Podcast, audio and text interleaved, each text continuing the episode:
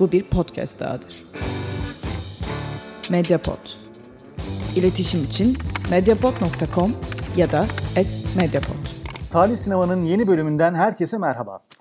Bu bölümde sizlere farklı bir filmi anlatmaya çalışacağız. Amerikalı Kız isimli aslında IMDb'de bakıldığında 2018 tarihli bir filmi konuşacağız Anıl'la. Hoş geldin Anıl. Hoş bulduk. Tabii e, film 2018 tarihli ama 2018'de çekilmemiş. E, geçmişine giden 1999'larda bir çekim başlamış. Böyle uzun yıllar yılan hikayesine dönen bir öyküsü var bunun da galiba değil mi? Bilmiyorum o kadar.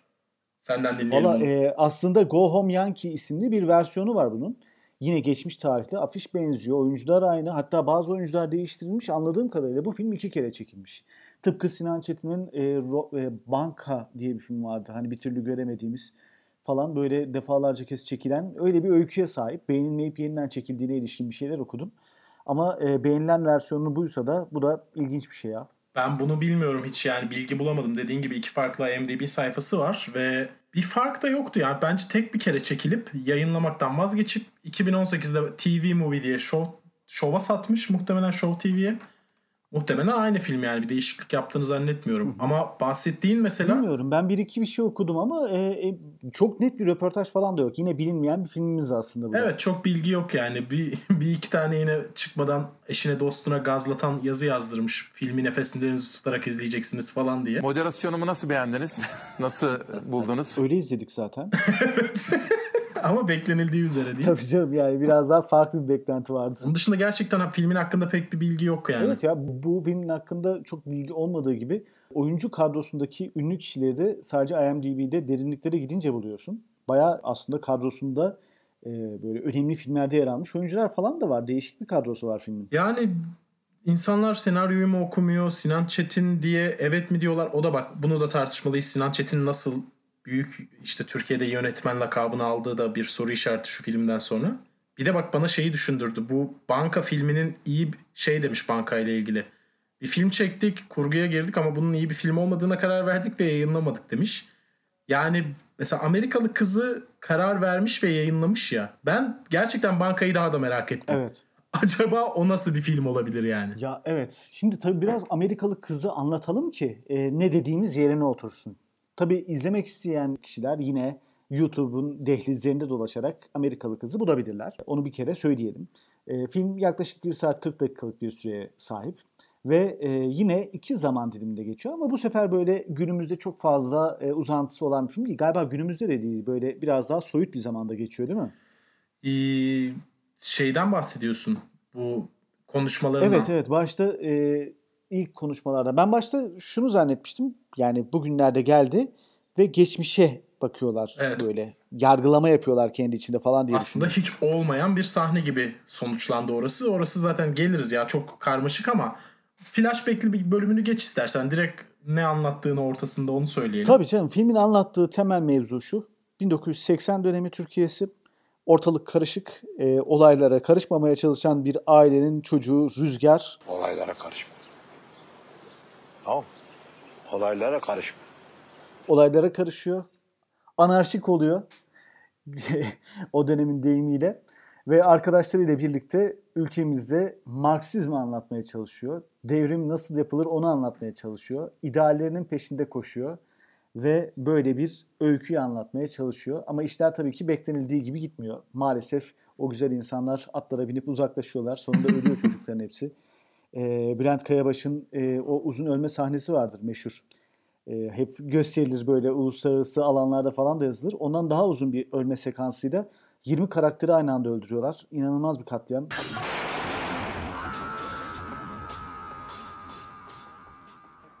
Ve Matrix tarzı slow motion hakikaten e, neydi onun adı? Mermileri slow motion olarak gösterişi inanılmaz yine yani. Evet evet çok güzel gerçekten. Bakıyorsun böyle parlayan mermiler e, havada uçuşuyorlar falan böyle E, ve camdan atılan mermi koridorlara falan dolaşıyor. Acayip güzel katliamlar yapılıyor. Yani çok enteresan e, bir filmden bahsediyoruz. Filmin öyküsü böyle değil mi? Ne diyebiliriz ki bu filmin öyküsüyle ilgili? Sen belki daha farklı anlatırsın. Ya tek tek içine girince olur. Gerçekten özetleyecek olursak 80'lerde geri zekalı olan solcular hakkında. Tırnak içerisinde söylüyorum bunu çünkü Sinan Çetin böyle anlatıyor. Salak ya, ve naif. Anlatmaya çalıştığı şey o. Bunlar aptal herifler. Bak boşu boşuna salak sapan işler yaptılar. Ee, ve sonucu işte burada bak. Aha bu diye. Ortaya böyle bir anlatı koymaya çalışıyor. Aynı zamanda yine tırnak içerisinde otobiyografik bir film. Sinan Çetin'in aslında kendi hayatını birazcık müdahalelerle anlatıyor. O yüzden kendisini de şeyi oynatmış. Ee, oğlunu oynatmış. Evet ya. İşte bir de orada sonra- bir şey daha var. Filmle ilgili bir şey yarattığında eski devrimci Sinan Çetin'in 1980'i yargılaması falan filan diyorlar da yani eee, ya da eski Marksist öyle bir şey. Ben- Abi eski solcu ne ya? Bu ama öyle anlatıyor. Gerçekten so, eskiden solcu muydu onu bilmiyorum ama bu şeyde de Komedi Dükkanı'nın da yapımcısıydı bu. İlk bölümlerinden bir tanesine çıktığını hatırlıyorum. Daha iki kişi yapıyorlarken Salih Kalyoncu'yla e, Tolga Çevik. Bu çıktı eski dönemleri anlatıyor. İşte Salih Kalyoncu da herhalde beraberlermiş, arkadaşlarmış. İşte biz o zamanlar sosyalizme inanırdık. Hemen sonraki cümle şu. Şiir okur ağlardık. Sosyalizm bu değil hocam. Yo tam olarak bu işte Sinan Çetin için. Ya bak filmin aslında bence e, yani şunu insanlara söylemiştik geçen haftada muhakkak muhakkak izleyin. Muhakkak eşinizle dostunuzla oturup eğlenerek böyle kahkahalar atarak izleyeceğiniz bir film yani. Böyle bir kahkaha tufanını başka bir yerde bulamazsınız. Ee, şöyle bir şey var. Şimdi Sinan Çetin diyor ki biz gençtik, salaktık, solculuğa, so- sosyalizme inandık, dünyayı değiştirmeye inandık. Ama bugün artık benliğimle, liberal olmuş yeni halimle bir film çekip ne kadar salak olduğumuzu anlatacağım diyor. Mantık bu. Fakat film o kadar salakça ki insan diyor ki sorun liberalizmde ya da sosyalizmde değil Sinan Çetin'in kendisinde zannediyorum. Çünkü iki tane ideoloji değiştirmiş ama salaklık baki kalıyor. Ben şimdi bu ideolojilerin ikisinde de bulamam bu suçu. Burada belli ki yönetmen de değişmeyen. Yani bu şeyi düşün. e, üniversiteye yeni gidip sosyalizmin alfa- alfabesini ilk defa okuyup aile evine Evet, ge- evet. geri dönen birey vardır ya. Tabii canım tam olarak öyle ya. Bu bak benim karikatürleştirmem bile bunun yanında çok kötü kalıyor. Çünkü film daha da karikatürleştiriyor. Korkunç kötü yani her şeyi. Ama ben şunu söyleyeyim. Ee, aslında bu film kült olabilecek bir film bak. Yani bundan 15-20 yıl sonra olabilir ki bugün keşfedilse umarım bu program sayesinde birisi keşfeder ve olur. Ee, hani konuşuyorlar ya dünyayı kurtaran adam dünyada acayip derecede izleniyor falan inanılmaz seviliyor. Bu film dünyayı kurtaran adamın 2000 kuşağındaki e, dışa vurumu olabilir.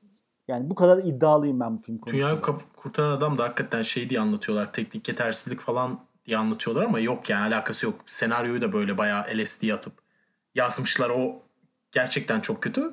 Onunla ilgili e, Tunç Tunç neydi ya? Tunç Kunter miydi? Hatırlayamadım. Bir tane yönetmen var. O şey diyordu. E, Tunç Başaran mı? Yok Tunç Başaran değil o. Ben, benim dediğim kötü yönetmenlerden yine. Süpermen'i falan çeken adam. Yeşilçam'da. Ee, o şey diyordu. Yani Dünyayı Kurtaran Adamı dünyanın en kötü filmi olarak gösteriyorlar. Çünkü bizim filmleri görmediler. Sadece onu gördüler diyordu. yani çok doğru. Gerçekten Türk sinemasında o title'ı oynayabilecek çok fazla film var. Bu da he- özellikle de yani 2009'da 2000'lerde çekilmesi itibariyle bu film kesinlikle oraya aday. Bence de. Yani bu özel bir mevki e, ve oraya ben bu filmi 2000'li yıllarda koyabilirim. Tahammül edin 1 saat 40 dakika izleyin ve gerçekten hayatınızda böyle bir filmin varlığını mutlaka görün diyelim. Yani filmde absürt olan ve saçma olan o kadar fazla şey var ki. Bakıyorsunuz çekiminden tutun senaryosuna, e, öyküsündeki detaylardan diyaloglara. Filmin elle tutulur tek bir yanı yok. Ha, var gerçi. Onun da ne olduğunu konuşacağız. Çok komik e, bir şey var bence de. E, neyse filmin daha açılış sahnesinde o günümüzdeki halini artık ne zaman dersen de daha orada bir kontrast sorunuyla başlıyor film. Böyle tuhaf beyazlar, tuhaf siyahlar bilmem ne falan böyle abuk subuk bir sahne. Yani e, Sinan Çetin giydi. Hayali bir ortam görüntüsü Ama diyelim. yani şey böyle e, baya baya içmişsin ve öyle çekmişsin gibi bir hal var. Yani LSD kafası dersin ya. Tam öyle bir kafa ya. İna- ve Sinan Çetin filmin bence en iyi oyuncusu. Doğru olabilir. Gerçekten Hakikaten en iyi oyuncusu olabilir. iddia ediyorum. Tabii Sinan Çetin'in bir konuşmasıyla falan giriyor oğluyla böyle hesaplaşıyorlar falan. İşte bak geçmişte ne oldu şimdi sonucuna bak falan filan tarzında. Orada bu arada çok güzel bir real life foreshadowing var. Yani günümüzdeki gerçeklere bir e, gönderme olarak bilmeden yaptığı. E, Rüzgar geçmişin işte geçmişinden kaçmak için saklanmıştın. E, geçmişinde kanlı bir geçmişin var. Ölümlere neden oldun diyor. Ve bu şahane bir e, hayatın ironisi işte bir filmde yak- yakalayamayacağın, bir filmde gösteremeyeceğin kadar güzel bir real life foreshadowing oradaki. Oo, olacak o kadar diyorsun. Aç gözünü seyret tekrarı yok bunun İşimiz bir dilimiz sürçer ise affola Tutmasını biliriz de kemiği yok bunun Niyetimiz kimseyi kırmak değil. Arada bir Zülfiyare dokunmuş olabilir. ya e, aslında mesela film geçmişe gidiyor. Ben e, başta şey düşündüm biliyor musun? Yani hani günümüzden böyle geçmişe flashback. Filmde bir 10 dakika falan ya Rüzgar Çetin zaten kaç yaşında genç 80'de ne olmuş nasıl bir yaş döngüsü var falan. E, bayağı bir orada error verdim. Ve e, o Ee, açılış evet. geçmişin başlangıcı şey vaziyetteydi. Müthiş bir şarkı. Günümüz gibi duran yerde hiç yaşlandırma tekniği kullanmamışlar. Evet, evet. Aynı yaşta kalmış. O da sonunda anlıyoruz ki aslında öldüğü için muhtemelen. Evet ya evet aslında belki de Sinan Çetin orada bir e, sorgucu melek mi oldu acaba ne oldu? Neyse. Yani Sinan Çetin e, mümkün olan yaşlılığı da olabilir onun. Belki Sinan de. Çetin işte bu yolu da seçebilirdim ama seçmeyip işte Sinan Çetin oldum. O yolu seçmiş halimde Rüzgar ona işte öğüt veriyorum bak ne boklar yedin falan diye. Evet ve bak benim gibi olursan böyle zengin olursun falan tarzında Yani şeyler vardı galiba. Aslında Çetin ailesi alternatif universe. belki de. Upside down. Bu arada filmin inanılmaz güzel bir şarkı listesi var. Müthiş bir soundtrack'i var ya. Ee, Oscar filmlerinde yok yani böyle bir playlist biliyor musun? Forrest Gump'la yarışır. Evet. Yok yani böyle bir playlist. Eşi benzeri olmayan böyle e, Oldies But Goldies adında playlistlerimizden senin de deyiminle bol bol şarkı var ya. Çok güzel bir playlisti gerçekten. Aç filmin şarkılarını dinle. Bir, bir şey soracağım. Sence telif ödemişler midir? Bence bu e, bunu düşünmemişler o zaman biliyor musun? Yani hani telif bu şarkı güzel bunu buraya koyalım. Bak bu da buraya çok güzel gitti falan diye koymuş olabilirler. Düşündüklerini zannetmiyorum çünkü eğer telif ödenip bu şarkılar alınıyorsa Hollywood'da birçok fi- e, filmi bu şarkıların üstüne gömerlerdi yani. Yani bence ben telif verdiklerini zannetmiyorum ama 2018'de yapmışlar release'ini ve 2018'de artık telif yasaları gerçekten ya kendi kafende çalamıyorsun mesela bir avukat gelip firmanın avukatı gelip yakaladığı zaman ceza yiyorsun yani. Evet. Bu filmde 2018'de release'ini yapıp da telif ödemedilerse gerçekten büyük iş. Yani çünkü filmin bütçesini çok şişirirdi anladın mı? Filmde hiçbir şey bu kadar pahalı olamaz bu şarkılar Evet, kadar. filmdeki ya evet evet evet filmdeki her şeyden daha pahalı çünkü hakikaten güzel bir şarkıları var. Açın bence filmin soundtrack'ini dinleyin hiçbir şeyini sevmeseniz. Yani o kadar se- bildiğimiz hepsi sevdiğimiz şarkılar ama e, şey gibi düşündüm ben daha çok. Yani kurgucu kurgu odasında Spotify'ı açmış. Kurguyu yaparken Spotify'ın sesi karışmış. Çünkü filmle hiç alakası yok. Tak diye giriyor bütün soundtrack'lere. tabii tabii ama alakalı arkada alakasız. güzel gidiyor yani. Mesela bir şarkıyı sevmiş onu iki kere çalmış falan böyle. evet ya Howard Transmission iki defa çalıyor. Evet ya. Ama ya bazı sahneler gerçekten çok şekilli. Şimdi bir Cavit amca diye bir karakter var. Bu çocuklardan birinin babası. Bunlar mesela üçü gidiyorlar tamam? Uğur Işılak. Uğur Işılak Evet. değil. Uğur something. Kara Evet. gümrük yanıyor Uğur'u diyorsun değil mi? Galiba bilmiyorum. Ee, Cavit Neydi o herifin yani. soyadı? Ya şeyin Neyse. Cavit'in babası. Ha Cavit'in yok Cavit amca galiba. Yok Can, Can'ın babası. Ya bu Heh. bomba patlatanların babası. Evet evet evet tam onlar işte. Tamam. Üçü gidiyorlar Uğur bir ya şey bunlar. işte sabah programı falan yapan herif. Hadi ya o mu? Ee, sohbet ediyorlar onlar orada. Proletaryanın savaşı çö- çö- adam soruyor yani böyle gayet masum evde çay ikram etmiş bilmem ne yapmış. Proletaryanın savaşı kazanacak falan diye başlıyorlar. Ee, sonra e, Cavit amca bunlara bir iki cümle söylüyor. Ardından çocuklar fraksiyonlara bölünüyor aralarında. Mesela ona dikkat ettin mi? Yani onlar daha neyi savunduklarını bilmiyorlar meselesini diyorsun değil mi? Evet evet. Birden daha birinci cümlenin böyle ilk itirazda anında üçe bölünüyorlar. Biri farklı bir şey, e, biri bambaşka bir şey söylüyor falan. Tuhaf yani aslında böyle ne istediğini bilmeyen bir de şey vardır ya sol kültüre birazcık yaklaştığın anda ilk polisler okursun. Filmde herkes polisler okuyor ve onun ardından eline alıp diyalektik burada şurada bilmem ne falan filan. Proletaryanın savaşı kazanacak falan. Ama yani çok komik böyle bakkala gidiyor mesela bakkal para üstü vermese proletarya kazanacak ne yapıyorsun sen falan diye şey yapıyor kızıyorlar. Öyle çocuklar. Sen işçi sınıfısın kendine gel falan diyorlar. ya bak ilk baştaki sahneyi unuttuk. Nasıl bunların solcu olduğu. Bunlar hippiler eee, ve solculuk hakkında hiçbir şey duymamışlar 70'lerin Türkiye'sinde. Ve kendi evlerinde işte muhtemelen ot içip işte eee, müzikler çalıp hippi saçları falan filanla takılıyorlar böyle.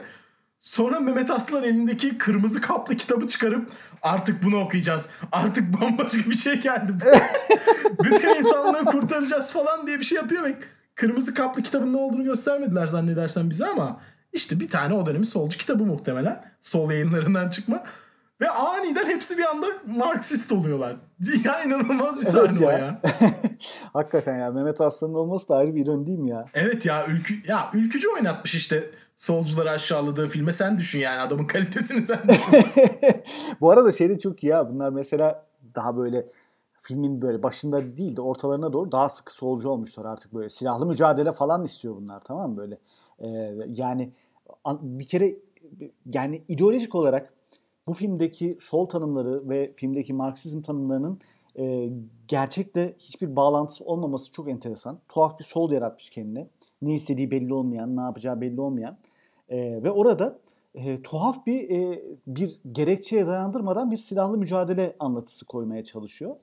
E, ve o mücadeleyi anlatırken çocuklara yani neden göze sokar gibi yapmış. Muhtemelen şey yapıyor. Solla dalga geçmek amacı herhalde. Bir hizmetçi geliyor sürekli şey dağıtıyor böyle. Çay falan ikram ediyor çocuklara. Farkındasın değil mi? Ne kadar tuhaf bir sahne. evet ya evet. Ya polisler okuyorlar falan. Oradan e, bir tane hizmetçi geliyor. İşte çay kahve alır mısınız falan. Böyle ne, ne oluyor yani? Ne, ben oradaki ya bu tamamen aslında solla dalga geçmek için yaptığı falan bir şey ya. Çocuk çocukların alayı da üniversite öğrencisi yani. Evet ya. Nereden tuttunuz? Yani nasıl solcusunuz siz? Ne yaptınız? Parayı nereden buldunuz o anda Ya, falan filan? Zaten gerçekten hizmetçileri olan solcular olsalar Sinan Çetin'in bir problemi olmazdı. Öyle entelijansiyayla bir problemi olduğunu zannetmiyorum. Ben de zannetmiyorum ya. Hani dış mihraklar mı besliyor bunları? Ne diyoruz acaba ya? Öyle mi gördü kafasında? Ne yaptı? Yani işte olabildiğince basitleştiren, olabil yani basitleştiriyor demeyeyim. Bence kendisi ancak bu kadar anlayabiliyor. Ee, Kağıt diye bir filmi var bunun. Kağıt filminde e, o dönemler tabii ki Kürt açılımının falan olduğu yıllar olduğu için onun liberalliği o yana kayıyor. Ee, kankası Atilla Yayla gibi bunların liberalliği işte darbe olunca hoş geldin paşam. işte açılım olunca açılım ne şahane falan bunlar hani devlet neredeyse orada liberalliği kuruyorlar ya. o dönemde işte e, Kürt isyanını anlatmak için kullandığı şey var. Tırnak içerisinde basitleştiriyor ama bence hakikaten o kadar anlıyor. Zeytin diyaloğu var. Bir gün zeytin sevenler ayaklanırsa ne yaparsınız? Zeyt pardon zeytin yasaklanırsa ne yaparsınız diye. Lütfen o ses kaydını buraya koy insanlar dinlesinler ve Sinan Çetin'in dünyayı e, kavramsallaştırmadaki maharetini görsünler yani. Yasalar her zaman masum değildir Müzeyyen Hanım. Bir sabah uyandınız ve birileri diyor ki size sabah kahvaltısında zeytin yemek yasak. Ne olurdu? Sabah kahvaltısında zeytin yemeyiz. Yanlış. Her yasak kendi isyancısını yaratır. Zeytin severler bir örgüt kurarlardı. Üzerinde zeytin dalı amblemi olan bir bayrakları olurdu. Zeytinlere özgürlük diye bir marşları olurdu belki. Filmin anlatı düzeyinde aslında bunu çok net hissediyorsun. Üniversitede falan sen de görmüşsündür. Bazı e, öğrenciler gider Nietzsche okur tamam mı birden. Sonra işte birden böyle Nietzsche aforizmalarıyla ortada dolaşırlar. Hayatı ve bütün yaşamı keşfettiklerini düşünürler. Filmin aslında ideolojisi ve anlatısı bu düzeyde. Yani bir kitap okumuş solcular vardır. Kendi böyle solcu birden mesela okur. Ee, işte polis okumuştur. Sosyalizmin ABC'si. Ha tamam proletarya e, işte diyalektik materyalizm bilmem ne falan filan oradan devrim yapacağım ben diye çıkan tipler olur böyle. Okullarda gülersin onlara. Yani ve onlar sonradan e, acayip güzel paranın tadına bakarlar falan bambaşka işlere geçerler. Böyle bir dili var. Enver Aysever diyebilir miyiz? Bak Enver Aysever bile bu kadar basit değil. o bile çok basit ama. O bloklandın şu anda. Anında bloklamıştır seni. Enver Aysever'in bak Enver Aysever'in Celal Şengör'le bir programı var. Orada Celal Şengör tamamen alakasız bir şey anlatıyor tamam mı? Yanlış hatırlamıyorsam şöyle bir şey söylüyor. Azteklerde işte mülkiyet ilişkileri falan diye bir şey söylüyor. Enver Aysever aykırı sorular sormakla mükellef olan insanın sorusu şu. Mülkiyet iyi bir şey mi? ya inanılır gibi değil. Anahtar kavramları. Ta, bak bu film Enver Aysever üzerine olabilir. Sadece o şekilde kabul ederim yani. Gerçekten çok ilginç bir film ya. Yani öyküsü, konusu. Ya, sahneleri alıp tek tek e, böyle belli kesitlerini koyup incelesen mesela kıza e, Marksizmi anlattığı sahneler böyle yani e, şey olur. Bir de artık bu Twitter'da yapılıyor şimdi. Değişti. Eskiden üniversitede yaparlardı. Böyle iki satır e, soldan argüman okuyup ondan sonra gidip bunu bir tırnak içinde söylüyorum kız tavlama uğraşısı haline getirirlerdi. Tam o amaçla öğrenilmiş bir solculuk bu. Bak ben solcuyum, cool'um. Amerikan emperyalizmine karşı direniyorum. Sevgili olalım mı?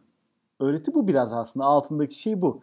Twitter'da şimdi bu e, daha farklı şeylerle gidiyor. Hani e, anlatılarla, farklı şekillerle oluyor da e, üniversitede mesela farklıydı. O dönemde de bambaşkaydı herhalde. Ya bence Sinan Sinan Çetin'in üzerinden daha fazla solculara vurmayalım. Enver Aysever'de bırakalım onu. Aslında solculara O vurmak kadar değil. Kendini solcu zannedenler var ya onlara biraz vurmak ya. Yani ben tam olarak onu anlattığını zannetmiyorum. Bu gerçekten solcu olan birini anlatıyor. Yani Ama karakterleri ben solcu olduğunu düşünmüyorum ya. Bilmiyorum sen öyle mi düşünüyorsun? Ya ben, çok yani e, ben Sinan. Çetin'in onu anlatmak istediğini düşünüyorum. ama anlatamamış bence. Ama bence bunu anlatmak istiyor. Gerçekten çizmek istediği solcu portresi bu. Yani iyi çocuklar, naif çocuklar, dünyayı değiştirmek gibi altın Yani- kalpli niyetleri var. Gerçekten saf ve temiz çocuklar ama geri zekalılar. En ben de İşte geri zekalıydım. orada- Bu benim otobiyografim. Hala da çok yol almış değilim. Filmin sonunda çıkardığımızda bu yani. Yani e, e, bir şey diyemeyeceğim. İşin açıkçası o beceriksiz hal. Ya bir de ben şeyi gerçekten e, şaşırdım. Sen katılırsın katılmazsın. Kağıdı ben izlemedim. Ama Sinan Çetin'in izlediğim filmleri var. E, bunlardan birisi mesela Türk sinemasında gerçekten iyi yeri olan Çiçek Abbas. Veya e, yine aslında müthiş olmasa da sinemada çok güzel gişe yapan ve yani öyküsünü öyküsünü geçiyorum. Bir yönetmenlik olarak başı sonu tutan yani böyle bir vermeyeceğim bir film diyeyim aslında. Yönetmeni olan bir film. Propaganda. Yani e, bir yere varan bir film tamam mı? Bir anlatısı olan bir film. Veya e, yine Sinan Çetin'in yönettiği Berlin'in Berlin. Yani ben sevmem ama insanlar filmi severler. Bir şey anlatmaya çalışır tamam mı? Bir derdi vardır. Ama bu filmin yani bir- yönetmeni vardır o filmlerin. Bu filmin bir yönetmeni yok. Yani bu filmi ben bak ben yönetmen değilim. Ben film çekmekten anlamam. Ben televizyoncuyum ama hani televizyoncu olmadığımı düşünelim. Sinan, Sinan Çetin'den çok büyük bir farkın yok film çekmekten Ee, anlamıyorsa. yani ben çeksem daha iyi çekebilirdim. Öyle söyleyeyim. Yani niye böyle bir film çekmiş? Birden suratlara ani giriş, kameralar birden böyle oynuyor, tuhaf hareketler. Yani niye ya? Niye? Nasıl böyle bir film çekebilir Sinan Çetin? Ben bak kötü bir yönetmen olabilir. İdeolojisi olmayabilir. Her yani bu film gerçekten yönetmenlik açısından rezalet bir film. Aa, sadece o değil. Bence şeyden başlıyor. Ee, senaryodan başlıyor. Şimdi Berlin'in Berlin'i birisiyle birlikte yazmış Ümit Ünal diye. Ee, propagandayı biriyle birlikte yazmış. İşte Yavuz Turgul'du şeyin senaristi. Çiçek Abbas'ın. Ee, propaganda pardon propaganda diyorum şey e, kağıt ve bu filmi tek başına yazmış. Bir kere orada problem var çünkü diyaloglar çok kötü. Yani film filmin akışı da çok kötü Rezalet. zaten de diyaloglar daha da kötü. Ee, ve şey kamera kullanımları daha önce de yaptığı şeyler bunlar. Yani yakın plan yüzüne girerekten falan böyle onun herhalde bir rahatsız ediciliğine mi inanıyor yoksa yüz ifadelerini daha iyi gösterdiğine mi inanıyor? Hiçbir fikrim yok. Sürekli insanlara çok yakın plan. Ama bu diğer Ya filmlerde işte bu kadar sırıtmıyor ya. otobüs sahnesi. Bu otobüste nizam var, kanun var, namus var, ahlak var, devlet var, düzen var, intizam var. Mini etek ha? Mini ruhlu kadın seni. Toplumdaki bütün sorunların bu yüzden olduğunu bilmiyor musun sen? Ha? Zaten dünyadaki bütün problemler sizden kaynaklanıyor. Şeyi de söyle. Aa bak bu filmle karşılaştırarak söyleyeyim hatta. Baye'de de otobüs bir ülkeyi ya da bir mahalleyi anlatıyor. Baskıcı bir toplumu. Ve insanlar onun içinde ama böyle ucuz ucuz yani ucuz sembolizm güya sembolizm hatta Ee, şeye git bu filmde de mesela çocuğun ailesi nasıl baba Atatürkçü çünkü ve devamlı Atatürk portreleri çiziyor başka hiçbir şey yapmıyor anne muhafazakar namaz kılıyor abi ya. polis oğlan da anarşist Romanımın baş kahramanının annesi çok koyu bir dindar. Babası Yahudi bir papaz. Baş kahraman ateist bir siyonist. Küçük kardeş Marksist ama Leninist olduğunu sonradan öğreniyor. Oysa bir Kemalist. Bunun farkında bile değil. Büyük kardeş misyoner bir nalbur. Herkesi çelik dübel almaya zorluyor. Yani çünkü küçültmek yani bilmiyorum Evet, bunu sembolizm Türkiye. falan zannediyorlar herhalde. Her biri başka bir telden çalarsa toplumu e, şey yapmış oluruz herhalde. Yansıtmış oluruz. Şey oluyor ya Ramazanlarda Coca-Cola Ya reklamları. yemin ediyorum Coca-Cola reklamları daha iyi ya. ya gerçekten Coca-Cola reklamları daha iyi. Yani oraya koyduğu sembolizmi düşünebiliyor musun? Ya Atatürk portresi çiziyor sürekli. Adam Atatürkçü olduğu için devamlı Atatürk çizmek zorunda. Evet ya. Ve e, Yani çok basit her şey çok kötü. Evet. Filmin sonu da çok kötü. Yani nasıl bir sonu ya? Yani bakıyorsun gerçekten insan nutku tutuluyor. Bu kadar kötü bir final nasıl yapıyor? Ee, ne oluyor? Ne demek istiyor? Yani 1980'den bir tek Atatürkçüler ve muhafazakarlar kurtuldu falan mesajı mı vermek istiyor? Mesela bir tek anneyle baba kurtuluyor olur mu olur vallahi. Nereden ne mesaj verirse hiç belli olmuyor bu insanın. Yani çünkü hakikaten böyle onları kurtarıyor ve abi koridordayken evin kapısında falan ölüyor galiba. Yani çok abuk bir yerde ölüyor. Oraya kurşun nasıl gidiyor? Ne oluyor? Ya orada e, Mehmet Aslan Tabii tabii açı çok kötü. Yani üç, aşağıdan üçüncü kata isabet ediyorlar ama kurşunlar dik bir şekilde insanların göbeğine Evet giriyor ya. falan böyle. ve Mehmet Aslan orada sinirleniyor babasını görüyor falan böyle silah çekip camdan ateş ediyor ya bütün olayı da orada o şey yapıyor. Yani tuhaf işler ya. Bence sembolizm var burada baya baya hani oyuncular üzerinden ve temsil ettikleri değerler üzerinden mi yapıyor acaba? Bilmiyorum da yani gerçekten bu sembolizme akıl sır erdirilemez ama eee, hikmetinden sual olunmayacak Sinan Çetin'in şurasını hiç anlamadım. Bununla, yani muhtemelen talihsizliğe mi vuruyor artık? Çünkü neden sonuç ilişkisi şöyle ortadan kalkıyor. Bunlar tam da Marksizmi, solculuğu falan bırakıp kendi sevgilerinin, aşklarının, Ha, evet ya. işte mesleklerinin peşinden gitmeye karar aldıktan sonra ölüyorlar. Bir de orada bir sahne var bak. Hemen şimdi hatırlayacaksın söyleyince. Bu kararı veriyorlar. O en sıkı solcular falan da veriyor kararı. Ee, orada bu Amerikalı kız geliyor. Onun arayı düzeltecek bizim oğlan. Düzeltiyor falan böyle. Bir uzun bir bakışma sahnesi var. Yaklaşık 15 dakika falan filmin o bakışma sahnesine ayrılmış. Yani onlar bakışıyor. Bu arada e, polis orada operasyonunu düzenliyor. 20 kişi ölüyor. E, bunlar hala bakışıyorlar. Farkında mısın? Evet ya bir türlü ölmediler. Herkes ya kan revan oldu. Bunlar hala bakışıyor. tabii tabii. Ondan sonra kız ölüyor işte orada. Sonra bizim oğlan ölüyor. Yani Bak hatta şöyle söyleyeyim. İnsan polisler taramaya başlıyor. Abisi o esnada odada değil. Bütün arkadaşları ölüyor. Bunlar hala bakışmaya devam ediyor. Abi odaya giriyor. Daha hepsinden sonra abi de ölüyor. Bunlar ondan sonra ölüyorlar ve hiç tepki vermediler herkesin ölmesine o ana kadar. Evet ya hani o veya şey olur şimdi reflekstir mesela bir operasyon düzenlense ya ateş ediyor yere yatarsın falan bir şey olur korkarsın sarılırsın kaçarsın bunlar bakıyorlar öyle yani. Bunlar cama koşuyor ya. ne oluyor bakayım ya.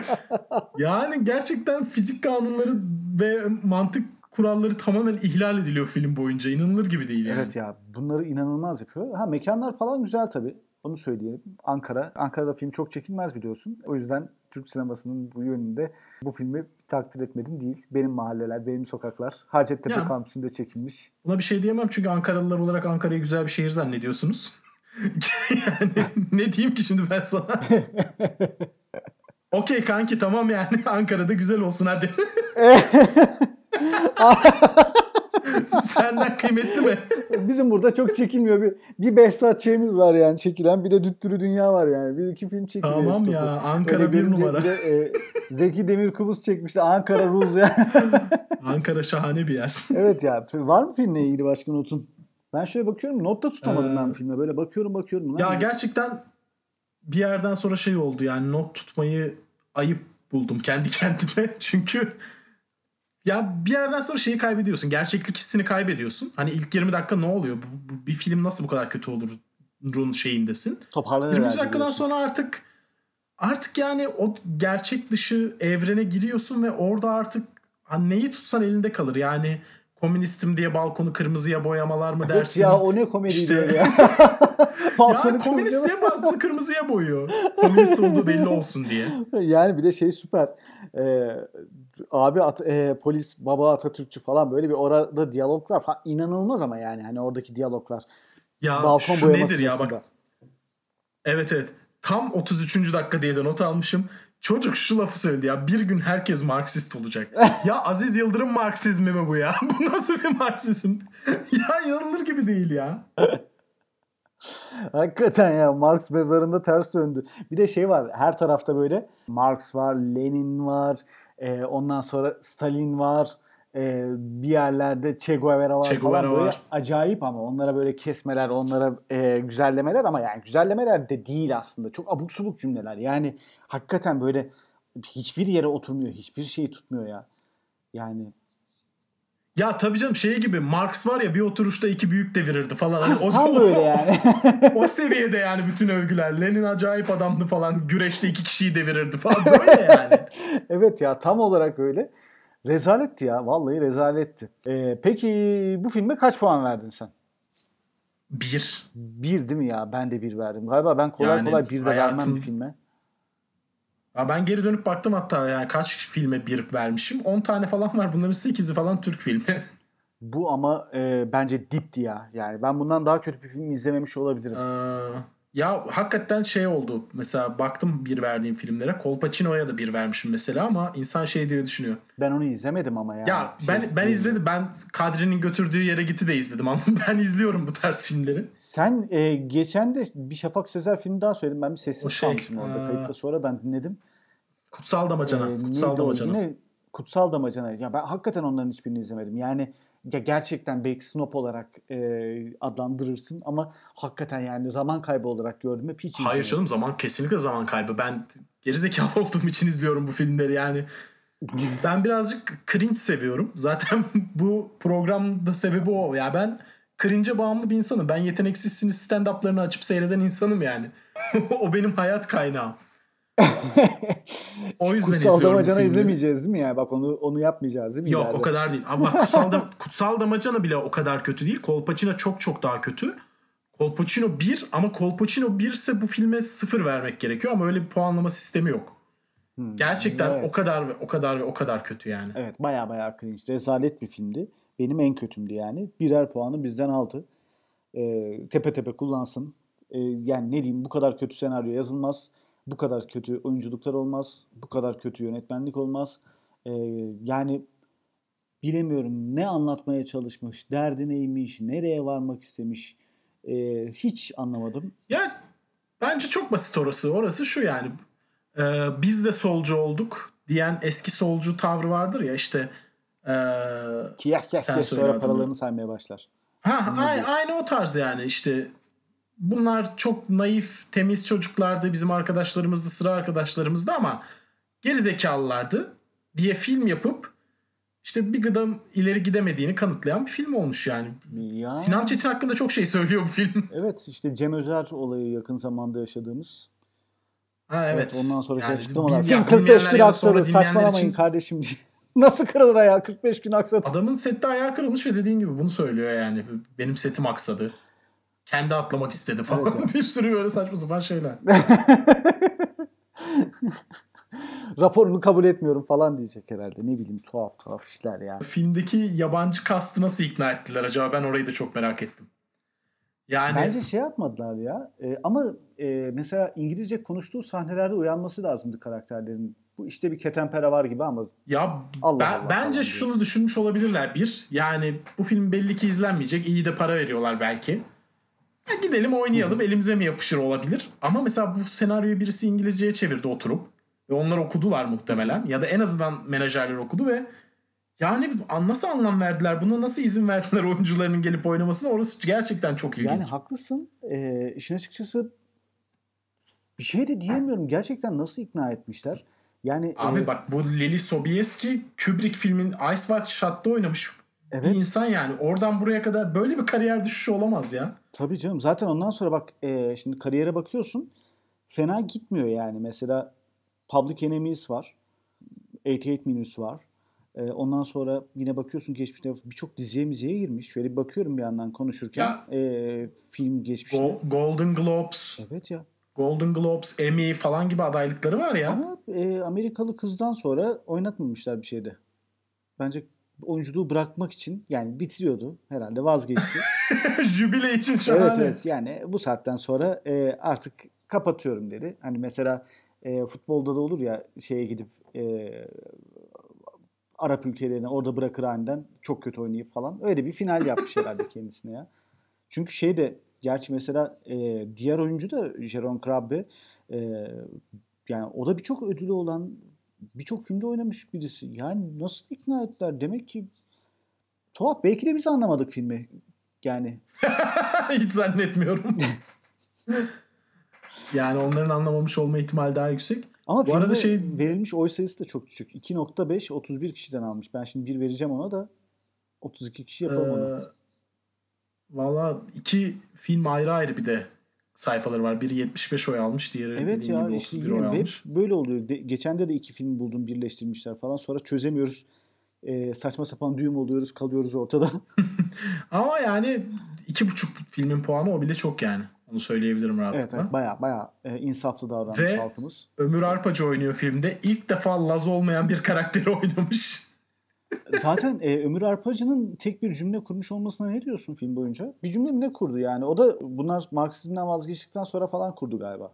Vallahi olabilir. Çok dikkat etmedim. Yani ama neresinden tutsam vallahi nasıl çektiniz siz bu filmi? Yani hiç mi utanmadınız?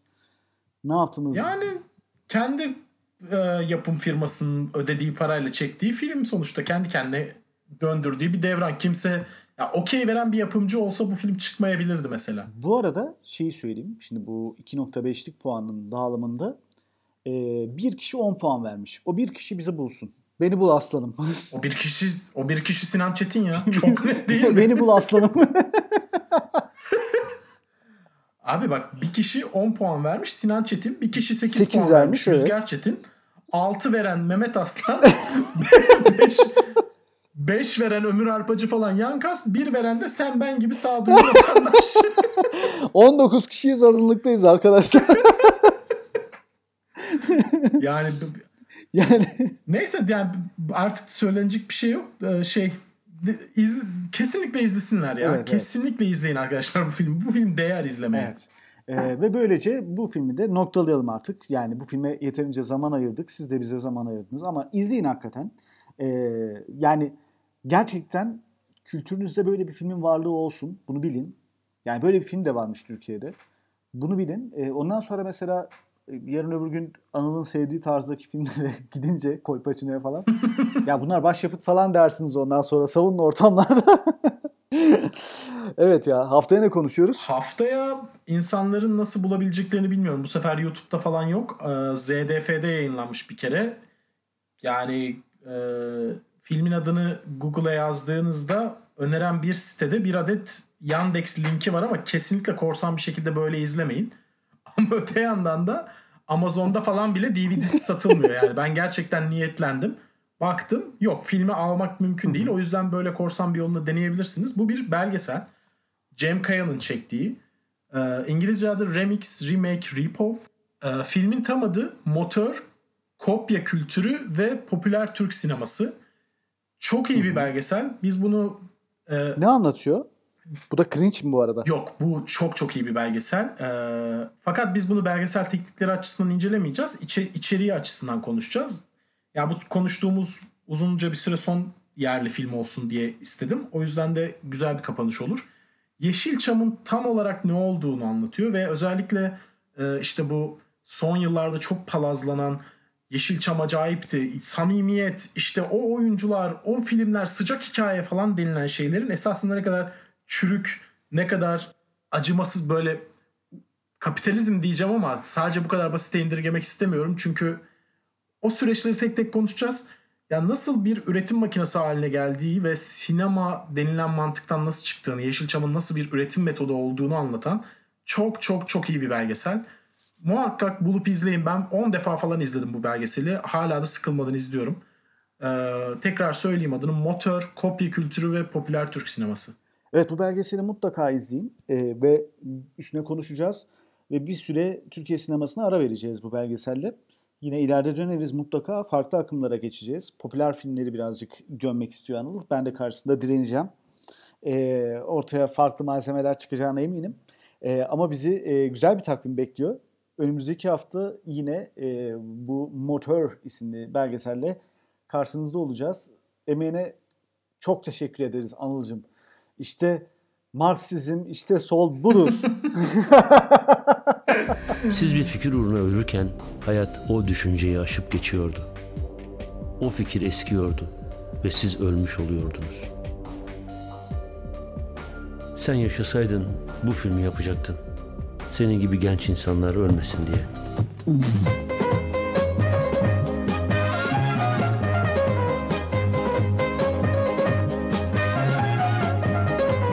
Ben bu filmi Sinan Çetin'in YouTube sayfasında buldum. Yaptığı bütün işleri bugüne kadar yüklemiş oraya. Sinan Çetin'in televizyona hazırladığı korkunç şeyler de var. Ee, Bunlardan birisi o komedyen taklitçi vardı ya Er- Ercan mıydı? Ercan Something. Neyse o adamın falan programı var. İnanılmaz kötü içerikler var.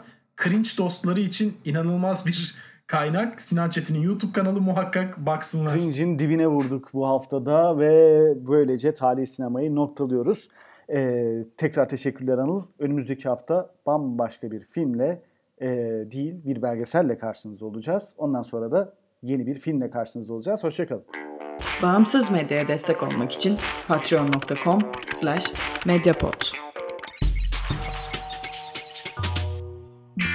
Medyapod'un podcastlerine ulaşmak için Spotify, Google Podcasts, iTunes ve Spreaker'a bakabilirsiniz.